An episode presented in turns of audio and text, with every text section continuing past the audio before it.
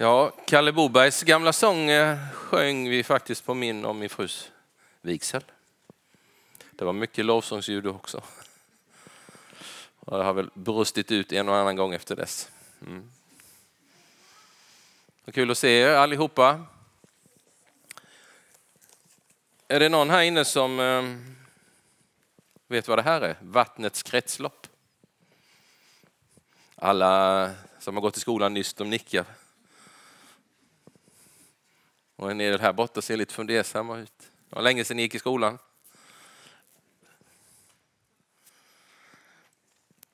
Jag sa ju att jag, jag älskar vatten och havet framför allt.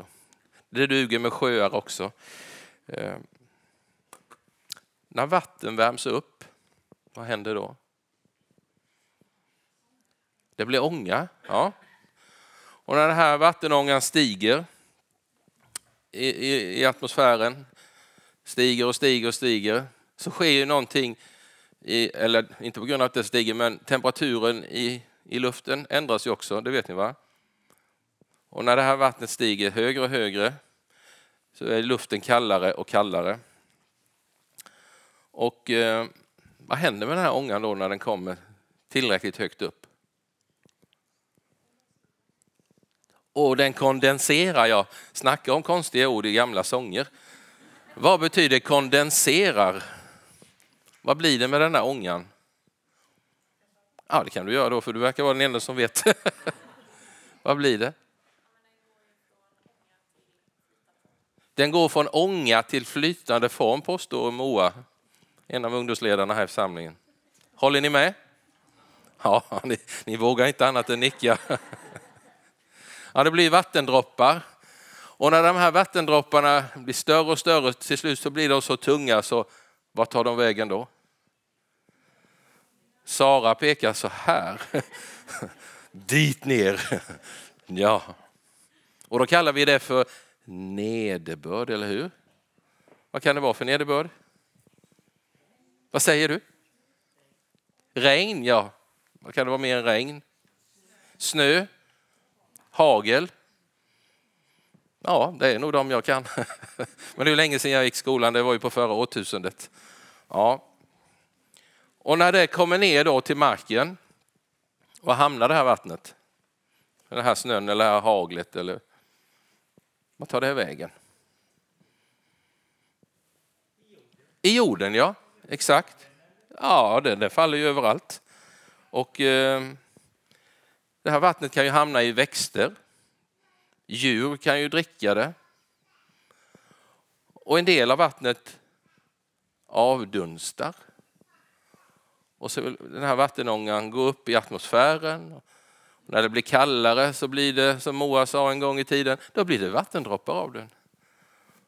Och sen när det blir tillräckligt stora vattendroppar så faller de ner till marken. Vi kallar det nederbörd. Och sen blir det då som Gabriel sa, regn och snö och hagel.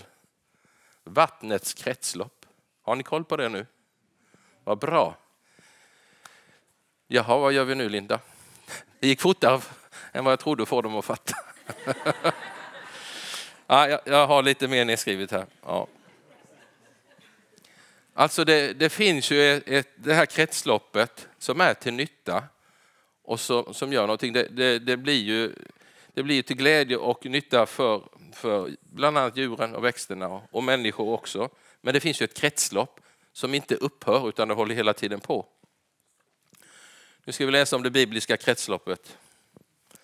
Jesaja 55 och 10. Liksom regnet och snön faller från himlen och inte återvänder dit utan vattnar jorden så att den blir fruktbar och grönskar och ger säd till att så och bröd till att äta. Så ska det vara med ordet som går ut från min mun. Det ska inte komma tillbaka till mig förgäves utan att ha gjort vad jag vill och utfört vad jag har sänt det till. Jag tänker att Guds ord har också ett eget kretslopp. Guds ord kommer ifrån Gud. Det landar förhoppningsvis på jorden bland oss människor. Och Guds ord kommer alltid att ge liv. Alltid. Alltid kommer det ge liv. Guds ord kommer alltid att vara till nytta. Vad är då Guds ord? Ja, det Gud själv har utandat, det Gud har talat. Det som är nyttigt till undervisning, som Solbritt läste innan. Guds ord, det kan läsas. Och det kan ju vara en rekommendation så här början på året.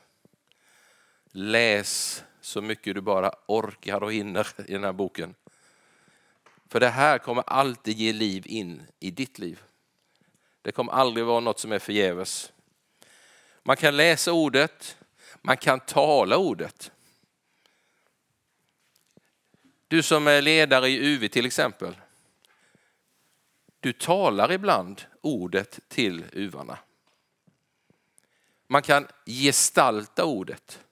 Man kan beskriva det. Och det kanske också händer på UV.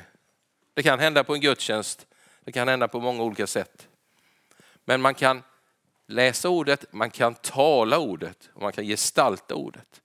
Och varje gång du gör det för en miniuv, en vanlig uv eller en elit eller vem det nu kan vara i allt det vi gör i vår församling så talar du ifrån Gud och det ordet kommer aldrig att vara förgäves. Det ordet kommer alltid att vara till nytta för den som hör det. Sen kan vi uppleva ibland bara att vi, om vi tänker lite negativt det här med kretsloppet, då, att det vi säger det bara går runt, runt, runt och vi har haft de här bibelstudierna, vi har haft de här lägren och vi har haft de här hajkerna, vi har talat om Gud och det bara går runt, runt och vi tycker ingenting händer. Det kan ju vara en känsla, men sanningen stämmer inte alltid med känslan. För sanningen, om vi bygger den på Guds ord, säger att Guds ord är aldrig förgäves. Så det kanske kan få vara en liten inspiration eller morot till oss alla här i det vi är och det vi gör i vår församling. När, vi talar, när Guds ord är inblandat, om vi tänker att Guds ord är som en vattendroppe. När Gud, när Gud finns med i det vi gör och det vi säger och det vi gestaltar så kommer det aldrig att vara förgäves. Utan det kommer till nytta. Det kommer att vara fruktbart. Det kommer att grönska, det kommer ge säd till att så och bröd till att äta. Är inte det gott nog? Eller vad tycker ni? Mm. Guds ord som du har blivit anförtrodd att tala, läsa, gestalta på olika sätt.